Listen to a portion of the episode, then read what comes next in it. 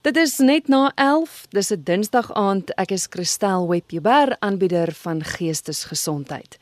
In vanaand se program gesels ek met Dr. Louisa Stoker. Sy is 'n familieberader. Louisa, baie welkom op die program.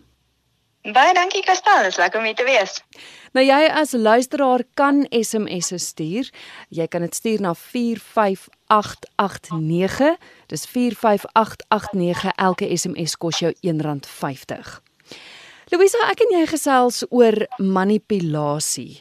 Dis nogals 'n uh, iets waarin jy baie diep gedelf het want jy het jou M en jou D daarin gedoen, is ek reg? Ja, jy is heeltemal reg.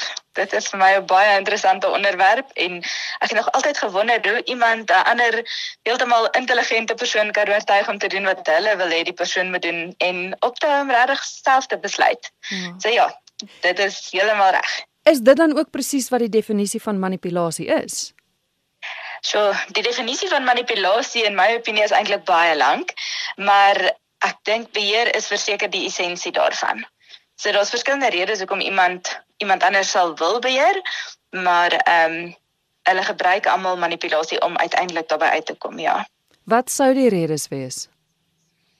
So, finansiële voordeel, mag, wins. Daar is soveel verskillende redes. Selfs as jy kyk na verskillende kultuurgroepe wat mense wil beheer sodat hulle daai aansien kan kry, die leier in elk geval. Soos ek sê, daar is daar's liefie redes vir iemand om iemand anders te wil beheer as hulle nie genoeg empatie het nie. Mm.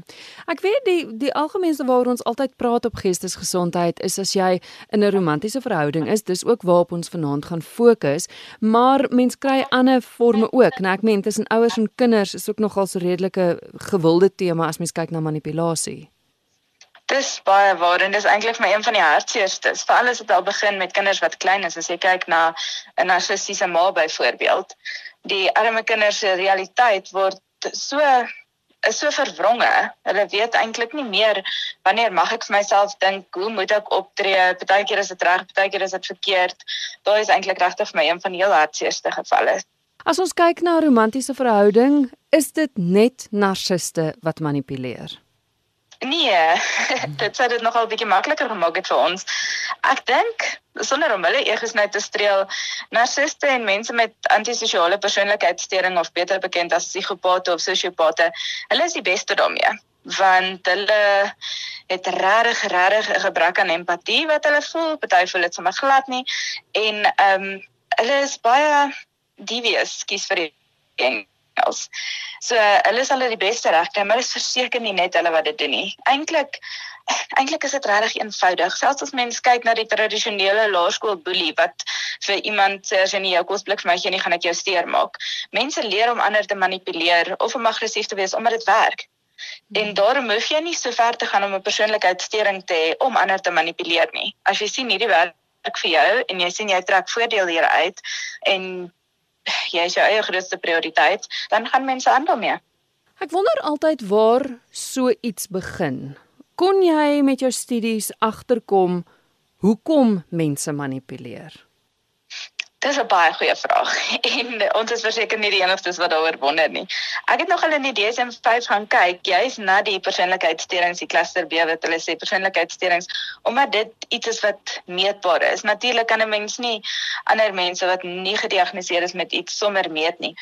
Maar ehm um, daar is 'n baie baie klein aspek daarvan wat biologies ehm um, kan wees. Hulle sê so mense met antisosiale persoonlikheidssteuring, as ek reg onthou, kan dit tot 5% geneties die invloed daarvan wees as dit sin maak, skus. En dan veral ook wanneer dit die ma is. So sê nou maar jy het 'n ma met antisosiale persoonlikheidssteuring en die kinders word daar in die huis groot, dan is daar 'n 5% kans dat een van hulle dit ook sal hê. 5% is actually klein en natuurlik is daar die die opvoeding teenoor die biologiese debat, die nature nurture debat soos wat hulle sê, want dit kan geneties wees, maar dit kan ook wees dat dit die optrede is wat mense sien. En daar was baie positiewe gevolge ook met aannemingsstudies wat hulle byvoorbeeld gedoen het van 'n uh, sê net maar 'n ma met antisosiale persoonlikheidsstoring wie se kinders as babatjies aangeneem is, dat hulle dan glad nie as hulle in 'n goeie huis groot word natuurlik waar hulle nie daai voorbeeld kry ensovoorts nie, glad nie sulke erge gedrag toon nie. So dit gee mense hoop dat dit nie net biologies is nie, maar aan die ander kant is dit ook mense sê baie maklik ja as jy mishandel is in die huis waar jy groot geword het dan gaan jy ook mishandel en dit is ook nie waar nie. Dit is sodat die blootstelling wat daai kinders het daar is en dat dit 'n invloed kan hê, maar die meeste kinders wat in sulke huise groot word, doen dit nie self nie. So ek dink ons moet baie baie oppas om te sê dat ehm um, dit is waar dit vandaan kom en daarom moet jy nie met daai persoon kuier of wat ook al nie want hulle gaan dit ook doen. Nou goed, ons kyk vanaand spesifiek na romantiese verhoudings. Jy staan nou op die punt jy ontmoet iemand. Is daar rooi ligte waarvoor mens moet uitkyk? Ja, daar's verseker. Ek dink die heel basiese een is as jy na die begin van die verhouding kyk, dan dan lyk dit eintlik maar soos die meeste ander romantiese verhoudings, of soos wat mense sou wil hê dit moet lyk. Die mense wil baie tyd saam spandeer, hulle geniet dit in mekaar se geselskap, hulle het lang intense gesprekke ensovoorts. So dan is dit moeilik om raak te sien. Maar daar's twee goed waarna mens kan kyk en dit is as daar regtig baie fokus is van die een persoon op die ander persoon en as dit as daar baie intensiteit is. Die rede daarvoor is mense wat ander manipuleer om hulle dan uiteindelik te mishandel ook. Ehm um, moet in hierdie beginfase baie inligting bymekaar maak. Want wanneer jy weet wanneer iemand wat iemand se drome is en wat hulle vrese is en wat vir hulle belangrik is, dan kan jy dit later teen hulle gebruik. As jy weet die persoon is bang sinne maar om eendag te skei ons 'n maklike voorbeeld wat ons kan vat. Mm. Dan gaan jy gaan die manipuleerder vir hulle beloof dat hulle nooit dit sal doen nie, dat hulle nie eers vir ander mense kyk nie, dat dit vir hulle ook 'n ontsettende belangrike ding is ensovoorts ensovoorts. En later wanneer die verhouding intens raak, sê nou maar hulle is getroud of wat ook al, dan gaan hulle dreig om te skei. So dan het hulle hierdie vrese wat hulle kan gebruik en die drome is dieselfde en dit wat vir hulle belangrik is is presies dieselfde. So as die verhouding as op baie fokus is op die persoon, dit kan ook wees dat hulle regtig regtig baie tyd saam spandeer. Wat deel daarvan is dat hulle hulle moontlik wil begin isoleer van hulle ondersteuningssisteem, die mense wat later hulle selfbeeld kan opbou of wat later vir hulle kan sê jy moet nou versigtig wees. En 'n ander deel is dat hulle vir die persoon kan die idee kan probeer gee dat hulle regtig vir hulle belangrik is. So baie fokus, baie intensiteit. Dit is 'n rooi lig. En dan ehm um, dan is daar 'n paar ander goeters ook. Dit is baie keer moeilik vir die vir die een wat later gemanipuleer word om dit in hierdie stadium al raak te sien want 'n mens jy wil daai ruskleurige bril op hê aanvanklik in die verhouding. Jy wil verlief wees en dit geniet ensovoorts. En daarom sê ek ook altyd vir mense jy moet krities bly. Dit beteken nie dat jy sinies of pessimisties moet wees nie. Jy moet net oplettend wees. En wat ook baie baie belangrik is wat ek net wil sê is die ander mense wat vir die persoon lief is. As jou vriend of vriendin of boetie of sussie of wie ook al jy verlief is in 'n nuwe romantiese verhouding betrokke raak dan moet jy jou oë ook oop hou want jy hoef nie noodwendig daai butterflies en daai ruskleurige lense op te hê nie. So jy moet hulle help kyk. Jy moet ehm um, dit moet vir jou 'n rooi lig wees as jy sien die persoon lyk of hulle regtig baie afhanklik word van die ander een asof hulle later uiteindelik amper nie meer self besluite wil neem nie en heeltemal die ander een se opinie wil hoor. Dit is verseker 'n rooi lig. En ehm um, en baie keer uiteindelik ook as die manipulasieproses aangaan dan dan lyk dit of die persoon gefrustreerd of ontevrede voel met hulle self al hoe meer. Wat sin maak as 'n mens weet dat die manipuleerder of die een wat later mishandel besig is om hulle af te breek? So aan die begin soos ek sê is dit moeilik om te sien maar later is daar verseker tekens wat 'n mens kan raak sien wat vir jou rooi ligte moet wees. Hier is jy so luisteraar wat sê het ek net na die raad geluister wat hoe hoe sê mense so? Want ek meen nou is dit te laat verstaan? Ek meen jy sit nou reeds in daai situasie. En hoe hoekom is dit sodat die mense so 'n absolute mag oor die ander mense het dat hulle so gemanipuleer kan word Vir daar's so baie redes en ehm um, ek wil net eers begin dit is nie te laat nie. Dit is nooit te laat nie. Dit is te laat om die goeie te keer wat reeds gebeur het, maar dis nie te laat om uit sy verhouding uit te klim nie. Dis nie te laat selfs al het 'n mens kinders om hulle van die persoon af wel minder blootstelling te gee, kom ons stel dit so en hulle te help om dit te hanteer nie. Daar's geen rede om in so 'n verhouding te bly nie want dit as dit eers so erg is, dan gaan dit net meer destruktief word. So ja, dit dit is nooit te laat om uit te klim nie, maar dit is jammer, dit is so jammer dat mense in sulke verhoudings betrokke raak. Hier is nou ook 'n luisteraar wat sê, "Hoe keer ek dat my sussie in so 'n verhouding instap want ek sien al die rooi ligte, maar soos jou gas nou gesê het, sy dra rooskleurige brille." Dis baie waar. Ek sou sê wees eerlik en doen alles in liefde. As dit jou sussie is, probeer alleen tyd saam met ons spandeer. Soos ek net nou genoem het, die isolasie is 'n groot ding. Ehm um, die mense wil nie veral uiteindelik, maar hulle wil nie hê dat jy te veel tyd saam met die mense wat vir jou lief is en wat jou kan ondersteun deurbring nie, want hulle bou jou selfbeeld op. En 'n groot komponent van emosionele manipulasie is juis dat hulle die persoon se selfbeeld afbreek. Want hoe minder jy van jouself dink, hoe minder jy jou eie intuïsie en jou eie denke vertrou, hoe meer afhanklik word jy van hulle en daarom wil hulle nie hê dat die persoon se selfbeeld opgebou word nie. Hulle wil later selfs kan sê partykeer ek is die enigste een wat regtig vir jou omgee, ek is die enigste een wat regtig vir jou lief is. So meer jou familie en vriende vir jou omgee en vir jou lief is en vir jou vertel ehm um, dat jy oulik is, hoe moeiliker maak dit hulle werk. So as dit jou sussie is, sou ek sê probeer alleen tyd met haar spandeer en doen moeite daarmee. Natuurlik, baie keer reël jy braai en die ander mense is uitgenooi, maar baie keer kan jy net self gaan koffie drink of wat ook al doen. En ehm um, wees baie eerlik. Ons het vraelyste uitgedeel by onderstudente en ons het vir hulle gevra ehm um, net dis kies ek onderbreek nou myself. Ons het vir hulle gesê as jy iemand ken wat in so 'n tipe verhouding is, sal jy vir ons hierdie vrae antwoord en hulle het dit gedoen. Dit was nogal skokkend. Ek moet vir jou sê van al die show ons het dit by amper 1000 studente laat invul uiteindelik en daar was van almal was daar net een persoon wat gesê het nee, ek ken nie so iemand nie. Jo. En baie keer was dit mense naby aan hulle gewees en as by die een vraag het ons gesê hoekom was jy onseker of jy iets moet doen of sê ek nou presies daai vraag en dan nie en baie van hulle het gesê dis nie my plek nie. En dan sit jy boetie of jou sussie of jou beste vriend of vriendin, jy voel dis nie 'n plek nie. So wat vir my bitter belangrik is en wat ek graag vir die luisteraar ook sou wil sê is dit is jou plek. As jy lief is vir die persoon, as dit jou sussie is, as dit jou vriend of vriendin is, dan is dit jou plek om iets te doen daaraan. En wat belangrik is is dat die mense moet verstaan, hulle moet kan sien wat die manipulasie tegnieke is wat die ander persoon gebruik. Jy hoef dit natuurlik nie altyd so prontuit te sê nie, want vir alles die manipulasie nou al 'n hele ruk aangaan, dan is hulle gekondisioneer om die persoon te beskerm.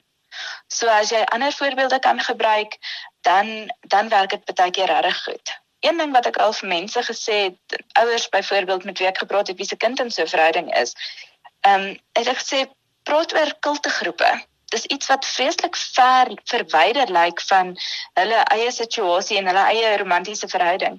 Maar dit is verbasend eintlik skokkend om te sien hoeveel van die manipulasie tegnieke wat in die romantiese verhoudings gebruik word, word byvoorbeeld ook in die kultegroepe gebruik. Juist soos die isolasie, juist die afbreek van die persoon se selfbeeld en die afhanklik word van die leier wat dan nou in die romantiese um, verhouding van die ander persoon is. En as mens iets gebruik wat so ver verwyderd is, maar jy praat oor die tegnieke of jy kyk Byvoorbeeld, daar's 'n goeie fliek van David Koresh wat 'n kultleier is of van Jim Jones en die goed wat daar gebeur het. En jy kan dan daarop wys en jy kan sê, "Sy daai wat hy gedoen het is darm nie reg nie." Of vroulike kultleiers natuurlik ook. Daai wat sy gedoen het is my nogal skokkend. En jy kan dit later uitbring tot by die persoon se um, situasie self. Dan vind ek dat mense nogal suksesvol is. Hmm. So die belangrikste ding, ek het nou baie gepraat is wees ingelig en spandeer tyd met die persoon en as dit enigstens moontlik is, praat oor die goed wat aangaan, al is dit op 'n indirekte wyse. Louisa, jy het nou gepraat van die verskillende tegnieke. Wat is die tegnieke wat manipuleerders gebruik? Weet jy wat? Ek het dit om dit maklik te maak vir myself en vir al die ander mense met wie ek werk. Het ek dit onder 7 B's gesorteer. Mm -hmm. So sewe goed wat met die letter B begin. Die eerste een het ons eintlik nou 'n bietjie oor gepraat en dit is belangstelling. Dit is daai beginfase wat gewoonlik 'n wonderlike tyd is vir die persoon wat dan later gemanipuleer gaan word, later afgebreek gaan word en die fase waarin die manipuleerder dan daai kritiese belangrike inligting ehm um, bymekaar maak soos wat ons vroeër genoem het. Die volgende een Ehm um, die volgende B is bekoring en charme. Dit is ook 'n baie baie belangrike komponent van verhoudings waarin daar emosionele manipulasie plaasvind. Want net soos wanneer jy nee jy nie sien nou maar iemand wil 'n ander persoon vergiftig, gaan hulle nie vir hom 'n glasie gif gee en sê drink dit nie. Hulle gaan nou en dan 'n druppeltjie gif insit en die res van die koffie is lekker. En dit werk dieselfde met die bekoring en charme. Aan die beginfase is dit 'n lekker verhouding. Maar later, om seker te maak dat die persoon nie net wegloop wanneer al die beledigings en die afskrakings en selfs die fisiese mishandeling begin plaasvind nie, kom charme elke nou en dan terug. Daar ek seker julle het al gehoor van die siklus van mishandeling wat hulle sê daar's drie fases basies en in die eerste fase bou die spanning op. Die persoon wat mishandel, ehm um, sal byvoorbeeld beledig en krities wees en die ander persoon afbreek al hoe meer en meer en die persoon wat dan mishandel word, ehm um, word al hoe meer gespanne. En dan in die tweede fase tel dit net op en dan sal uiteindelik 'n uitbarsting, 'n verbale uitbarsting of 'n fisiese woede uitbarsting En dan in die derde fase, wanneer die manipuleerder of die een wat mishandel dan ontlaai het, dan lyk dit asof hulle dinge weer probeer beter maak. Hulle sal skielik vriendelik wees of dalk blomme koop of wat ook al, um, om die gemanipuleerde hoop te gee. So met bekoring en charme, die tweede B, is dit presies wat gebeur. Dit is dan nou in die derde fase. As hulle sien dit lyk of die gemanipuleerde uit die verhouding uit gaan wil klim of dit lyk asof hulle begin agterkom wat aan die gang is, dan is hulle skielik weer vreeslik nice. So dit is 'n tegniek wat elke keer terugkom. Al hierdie tegnieke is nie iets wat op een stadium gebeur en dan hou dit op en dan is dit nou gedoen nie. Dis alles 'n interaktiewe proses. Die derde manipulasie tegniek wat hulle gebruik is bedrog en dit gaan basies oor leuns. Manipuleerders is gewoonlik baie goeie leenaars en hulle gee ook nie om om te jok as dit beteken dat hulle kan kry wat hulle wil hê nie. En hierdie leuns wat hulle vertel kan oor enigiets wees. Hulle ehm um, hulle sal dit selfs ook gebruik om iemand wat hulle van die manipulasie verdink te laat skuldig voel daaroor en om hulle hulle eie motiewe te laat bevraagteken. Dan die vierde een is blame Manipuleerders doen natuurlik baie dinge verkeerd, maar hulle sal dit nie sommer erken nie. En indien daar dan bewyse is van iets wat hulle wel verkeerd gedoen het, byvoorbeeld 'n woedeuitbarsting wat nie moontlik is om te ontken nie, sal hulle probeer om dit as niks af te maak. Of hulle sal dit verontskuldig as 'n reaksie op iets wat iemand anders gedoen het. Hulle sal baie keer ook sê jy het my uitgelok om wat ook al te doen alhoewel daar absoluut geen verskoning is om vir iemand om 'n woedeuitbarsting te kry, om op jou te skree, om dalk fisies iets aan jou te doen of wat ook al nie, sal dit altyd die gemanipuleerde se skuld wees. En ehm um, die interessante ding is dat dit dikwels so gebeur dat die persoon wat in die verhouding afgebreek word, ook dan later begin om hulle self te blameer vir dit wat verkeerd loop en self begin om vir die manipuleerder verskonings te maak. En jy's ook soos ons net nog gesê het, wanneer die ondersteuningssisteem dit begin raak sien, dan is dit 'n baie baie groot rooi lig, want dan het hierdie slegte gedrag en hierdie manipulasie dan regtig al ver gevorder. So dan sal daar verseker iets aan gedoen moet word. Ehm um, die volgende een, die volgende ehm um, B, nommer 5 is beheer. Nou beheer soos ons aan die begin gesê het, is die essensie van manipulasie. Dit is wat alle manipuleerders die heel graagste wil hê. Ehm um, en daar's verskillende fasette van die gemanipuleerde se lewe wat die manipuleerder sal wil beheer. Byvoorbeeld besluitneming. Ehm um, ons het aan die begin het jy genoem van finansies ensovoorts. As hulle al die beheer oor die finansies kan hê, dan plaas dit die ander persoon in 'n bitter moeilike situasie. En ek moet vir jou sê, Kristal, dit is iets wat ek so baie sien in die praktyk. Ek sien mense wat na my toe kom wat vir berading, maar hulle kan nie betaal nie. En dan bly hulle in die pragtigste huise met die mooiste karre ensovoorts, maar hulle het absoluut geen beheer oor die finansies nie. En hulle kan nie vra of hulle iemand kan gaan sien nie, want dit sal natuurlik vir die een wat mishandel of manipuleer sê wat aangaan en dit sal hy of sy nie toelaat nie. So ehm um, die besluitneming en dit raak natuurlik baie ander fasette ook. As jy getroud is en jy het kinders, dan is dan neem die manipuleerder of die mishandelaar wil dan al die besluite neem oor die kinders ook oor hulle opvoeding oor dit wat hulle moet doen wat net later gevolge kan hê. Die volgende ding waaroor hulle baie graag beheer neem is fisiese voorkoms. En hierdie een maak dit vir die res van ons bietjie makliker. As jy byvoorbeeld 'n tiener het wat in so 'n verhouding is en jy sien dat hulle fisiese voorkoms skielik begin verander. Hulle begin of jy wat meer eet of jy wat minder eet. Hulle begin hulle hare op 'n spesifieke manier dra. Die ander persoon sal aanbied om saam met hulle te gaan klere koop ensovoorts ensovoorts. Dan moet dit 'n groot rooi lig wees of haar kleur of wat ook al. En dit is moeilik baie keer om dit met die persoon te bespreek want selfs in 'n gesonde verhouding as jy weet jou man hou daarvan as jou hare bruin is en jy gee nie om of dit bruin of blond is nie en jy gaan kleed dit dan wanneer dit hom mooi dan hoef dit nie sleg te wees nie. Baie van hierdie tegnieke in isolasie is nie noodwendig altyd 'n slegte ding nie. Maar wanneer jy dit in die groter prentjie sien, as jy sien dat dit juis so is om of jy so gebruik word om beheer oor die ander persoon uit te oefen, dan is dit natuurlik 'n rooi lig. So ons het gesê hulle wil veral die besluitneming beheer en die fisiese voorkoms en die ander ding is ook die kommunikasie. Ek kan baie voorbeelde daarvan gee, maar byvoorbeeld as iemand sê as ek jou bel dan moet jy antwoord of as jy nie geantwoord het nie, dan moet jy my binne 2 minute terugbel. En hulle kan dit verdoetel met die mooiste redes, verstaan? Ons bly in 'n gevaarlike land. Ek wil net weet dat jy veilig is, is omdat ek vir jou lief is, is omdat ek vir jou omgee. Maar die punt is, daai persoon loop die hele tyd op eiers. Jy kan nie jouself neersit en 'n draadjie gaan loop of wat ook al nie, want as hy of sy bel, dan moet jy dadelik antwoord. So jy's heeltyd tot daai persoon se beskikking hmm. vir wat ook al rede. En dan is daar verskillende maniere waarop hulle beheer probeer kry. Byvoorbeeld deur emosionele afpersing of emotional blackmail. Um ek dink baie kinders op 'n koopse word van kleins af tot in gewaarsku as iemand vir jou sê as jy lief is vir my dan sal jy dit of dit of dit. Dan moet jy regtig begin wonder wat aangaan. Maar dit gebeur so verskriklik baie en selfs met iets so selfmoord. As as jy my ooit eendag gaan los dan sal ek verseker nie meer kan sien om te lewe nie want ek is te lief vir jou ensovoorts wat maak die persoon net eenvoudig te bang is later om hulle te los want wat as hy of sy iets doen hmm.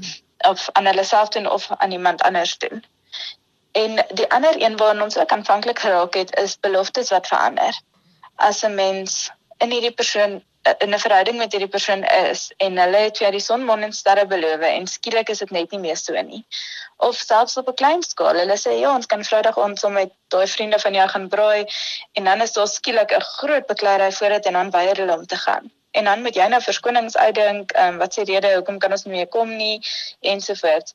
So dit plaas jou dan in 'n moeilike posisie, baie moeilike posisie vir daai keer. Ehm um, die sesde weer dan is besitlikheid en isolasie. Ons het vroeër daarin ook geraak, maar die die manipuleerder se behoefte aan beheer veroorsaak besitlike gedrag teenoor die gemanipuleerde wat direk of indirek kan wees. Manipuleerders kan dit soms direk vereis dat die gemanipuleerde 'n belangstelling of 'n vriendskap of wat ook al sal opgee of hulle sal so aangaan oor iets dat die gemanipuleerde dit net nie meer kan uithou nie en dan self die persoon of die aktiwiteit liewer opgee om die vrede te bewaar dit gebeur regtig baie dat iemand 'n passie het, een of ander iets waarvoor hulle vreeslik lief is, 'n sport of 'n kultuuraktiwiteit of 'n stokperdjie, wat die ander persoon dan net eenvoudig krities raak oor en hulle gee dit op, want hulle die manipuleerder sal ook sê, maar jy jy dans altyd, jy's altyd by die dansoefeninge en ons kry nooit tyd vir mekaar nie. En naweke is daar moet jy gaan beoordeel of moet jy aan 'n kompetisie gaan deelneem. En um, ons sien mekaar nooit nie en dan om die vrede te bewaar gee hulle later daai droom op. En eh, baie ander goed ook, sê nou maar swem is 'n belangstelling. Dan sal hulle sê maar jy die enigste rede hoekom jy wil swem is omdat jy 'n swembroek wil aantrek en jou lyf vir die ander mense wil wys. En wat sê dit eintlik van jou? Is dit nie net iets vir ons nie? Dit is ons verhouding. Niemand anders het die reg om dit te sien nie. En die fokus word so verdraai dat die persoon baie keer later heeltemal hulle belangstellings opgee juis vir die verhouding. En dan soos wat ons vroeër gesê het, sal probeer manipuleerders ook om die ander persoon van sy of haar vriende en familie te isoleer. Want dit is baie dit is baie moeiliker om iemand af te breek wanneer hulle gereeld tussen ander mense is wat dalk die manipuleerder se gedrag kan uitwys of hulle dalk weer kan opbou. Ek het rukkie terug met 'n ma gepraat wat vir my gesê het haar kind het met hierdie man begin kuier. Hy's by die skool uit, hy's in matriek en na 'n maand, net 'n maand wat hulle saam gekuier het, ook in hulle huis. Hulle het die ouetjie ontmoet en alles en na 'n maand het die kind uitgetrek en sy's nou iewers waar hy weet waar sy is. Sy het haar sport waar sy baie goed is opgegee en hulle gaan aan en hulle weet nie wat om te doen nie. So vinnig het hierdie proses gevorder van iemand wat nie in 'n verhouding was nie tot 'n maand later wat sy bereid is om alles op te gee. En dit is skokkend. Mm. Vir my is dit in 'n geval skokkend. Ek glo ander mense sal ook mm. dit so beleef. Mm. En dan die laaste een, die laaste tegniek is 'n brutaliteit. Al lyk dit nie op die oog af so vir die ander mense nie, kan manipuleerders baie brutaal wees. Hulle kan die ander persoon baie seermaak met dit wat hulle doen of dit wat hulle sê. In sommige gevalle beteken dit ook dat hulle fisies iets aan die ander persoon doen, maar in al hierdie tipe verhoudings wat nie betyds gestop word nie, word die gemanipuleerde se selfwaarde, soos wat ons gesê het, ontsettend afgebreek. En ons baie maniere waarop die manipuleerder dit kan doen byvoorbeeld deur kritiek, deur afbreekende humor, deur sarkasme, deur die ander persoon te verkleineer of nie ernstig op te neem nie as mens probeer ernstig wees en hy of sy lag vir jou of maak dit net af of deur beledigings of dit wat die persoon bereik het te ondermyn soos ons net nou ook gesê het of dan woede uitbarstings en fisiese of seksuele mishandeling. Die interessante ding hier is wat mense ook moet onthou. Mense verstaan nie altyd wat fisiese mishandeling byvoorbeeld alles behels nie, selfs met seksuele mishandeling ook. Hulle dink fisiese mishandeling is net wanneer jy geskop word of wanneer jy geslaan word, maar dis nie die geval nie. Dit as iemand jou fisies bang maak as hulle byvoorbeeld 'n uh, vuis teen die deur slaan of as hulle iets stikkend gooi teen die vloer en jy staan naby, dan val dit reeds onder fisiese mishandeling. Want jy weet, volgende keer kan dit jy wees wat raak geslaan word. En wanneer hierdie tipe gedrag begin, dan kan dit nogal baie vinnig eskaleer en dan eskaleer dit gewoonlik. So wanneer mens van enige so iets weet, of enige merke sien op 'n vriend of vriendin of iemand se lyf, dan moet jy dringend iets daaraan doen. En wat ons nie aan die begin gesê het nie, die vraelyste wat ons baie terug uitgegee het, um, ander vraelyste wat wat nou nou nou verwys het. Mm -hmm. Dit was onder hoërskoolleerders gewees, graad 10 tot graad 12. En baie van hulle was glad nie verbaas dat hierdie goed gebeur nie. Baie van hulle het dit selfs al beleef. En wat vir my ook nogal interessant was, is dat die verhoudings waarin dit gebeur het, 53% van daardie verhoudings was die manlike persoon die manipuleerder gewees en 47% was dit die vroulike persoon. So dit is omtrent presies dieselfde. Mm. Ek dink in vandag se samelewing is ons so geneig om te dink dis net die mans wat dit doen en dalk hier en daar 'n vrou. En dis glad nie die geval nie. Hulle sal verskillende tegnieke gebruik Ehm um, aangesien die mans gewoonlik fisies sterker is, sal hulle meer geneig wees dalk om te slaan of te skop of te werg, maar die vrouens gebruik dit wat hulle kan. Byvoorbeeld met een paartjie gepraat wat die vrou as sy die man se hand by 'n uh, kan kry, dan druk sy sy pinkie so agter toe dat hy niks kan doen nie. Hy is 'n um, goeie normale goed groot gemaakte ou en hy wou hom nie seermaak nie. So hy het net eenvoudig dan niks gedoen nie.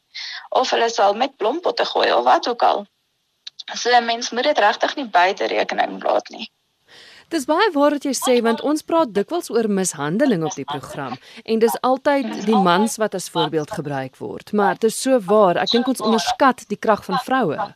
Ja, verseker. Hmm. Verseker vir alles wat by emosionele mishandeling kom en verbale mishandeling wat natuurlik deel daarvan uitmaak.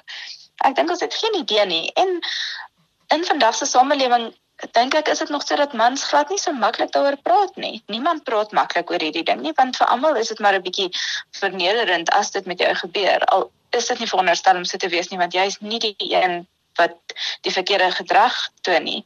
Maar mans sukkel regtig veral om daaroor te praat en hulle voel amper nog meer verneder vir dit vir my deur die situasie baie keer.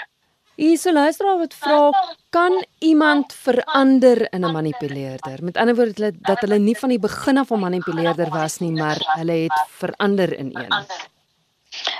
Ek dink so. Soos ons net nou ook gesê het, dit is nie net mense met persoonlikheidssteurings wat ander manipuleer of mishandel nie.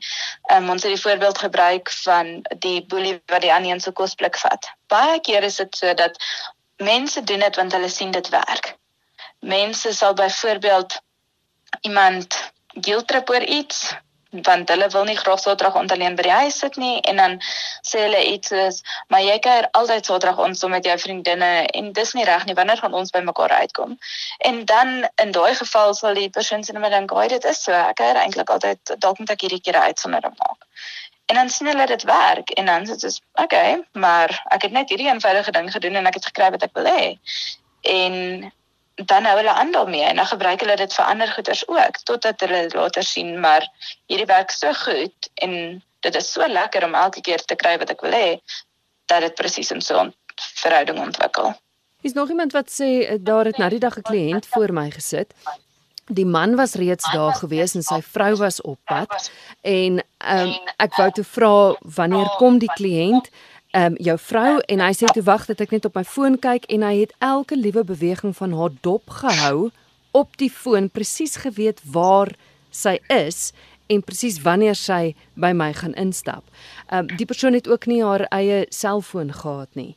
So ja, dit is nogals rof as mense sulke goed hoor om te besef dat iemand regtig soveel soveel manipulasie kan uitoefen op iemand anders. Dis is so waar. En weet jy wat ek sneers verbaas oor die voorbeeld nie want dit is nie die eerste keer wat ek dit hoor nie. En mense sal dit met soveel selfvertroue en bravade vir jou vertel want hoe wonderlik is dit nou? Ek weet altyd waar hy sy is en dan gaan dit oor veiligheid. As die kar dalk breek, dan kan ek ietsie doen. Ehm um, dit is baie maklik om al hierdie goeders te verdoesel. En weer eens soos ek sê, as dit sê nou maar dit is 'n getroude paartjie en dit is letterlik die enigste ding ehm um, wat jy kan sien wat dalk verdag kan lyk, dan hoef dit nie 'n probleem te wees nie. Dit kan vir veiligheid wees. Maar soos in hierdie geval as die ander persoon nie self net nie of as mens sien dat daar ander goed ook deel uitmaak wat vir jou dan is dit regtig 'n groot probleem. Ek het met 'n paartjie ook gepraat, hulle was studente gewees. Ehm um, nie verloof of getroud of enigiets nie. En dit was presies dieselfde. Ons het gewag en Hy het gesê nee, toe maar wat, ek gaan nou vir jou kyk. Weet presies waar watter klasse sy wanneer het, watter ehm um, sy 'n na eerste werkie ook gehad, presies wanneer sy daar moet wees en as hy dan nie daar is nie, dan is daar ook 'n ding wat vir hom sê of hy sien dit op 'n manier ek weet nie presies nie. En sure as 'n mens se vryheid so ingeperk word, dan is dit verseker nie positief nie. Hmm. Dink glad nie dis veilig nie. As iemand met jou in 'n verhouding is en hulle verwag so iets en hulle sê dit is vir veiligheid of wat ook al, dan sou ek sê as dit vir jou so belangrik is, dan sou reg ek sal vir my pa op hierdie ding laai of vir my ma op hierdie ding laai of vir my beste vriendin daarop laai dan as jy my sit dan kan jy hulle bel as dit nodig is net om daai beheer 'n bietjie weg te vat. Nog 'n luisteraar wat sê alles wat jou gas noem is relevant in my lewe. Daar is beheer oor alles in my lewe. Hoe kom ek uit? Dit is 'n goeie vraag natuurlik en ek is so jammer om dit te hoor. Ehm um, dit is ook 'n vraag wat ek gereeld kry en die probleem is mense sal mooi na die omstandighede moet kyk. Dit daar's nie een antwoord wat gaan werk vir almal nie. Mense weet nie of hierdie persoon getroud is of nie of wat die huislike omstandighede is. Ek kan wel vir jou sê na die ek het so 'n paar weke terug op groepie nou ook gepraat oor tienerverhoudings wat so is. En toe daar iemand my 'n WhatsApp gestuur rukkie later en sy kon net in die oggende op 'n sekere tyd praat want dit is al wanneer die ander persoon nie by was nie om 'n sekere rede. Hmm. En verder is daar niks en sy kan nie uit nie. En hierdie goed is skokkend. So ek sou sê as dit enigstens moontlik is, afhangende van die omstandighede. Partykeer is dit nodig om eers regs hulp in te kry. Ehm um, dalk 'n beskermingsbevel of wat ook al die geval is.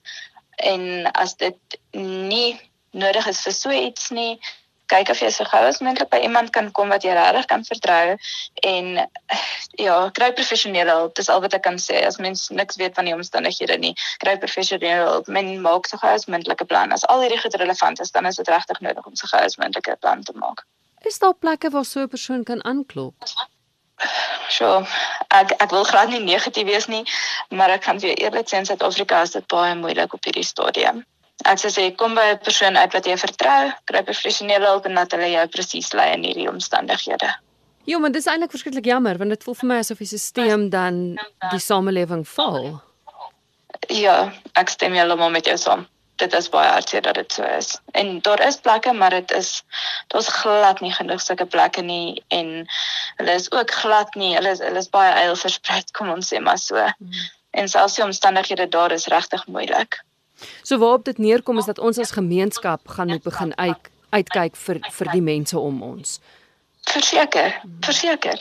En as dit ons ehm um, ek's betrokke by 'n non-profit organisasie ook waar ons al 'n paar keer sulke mense gehelp het en daar's so ag daar's regtig goeie prokureurs en legal aid en so wat ook bereid is om te help.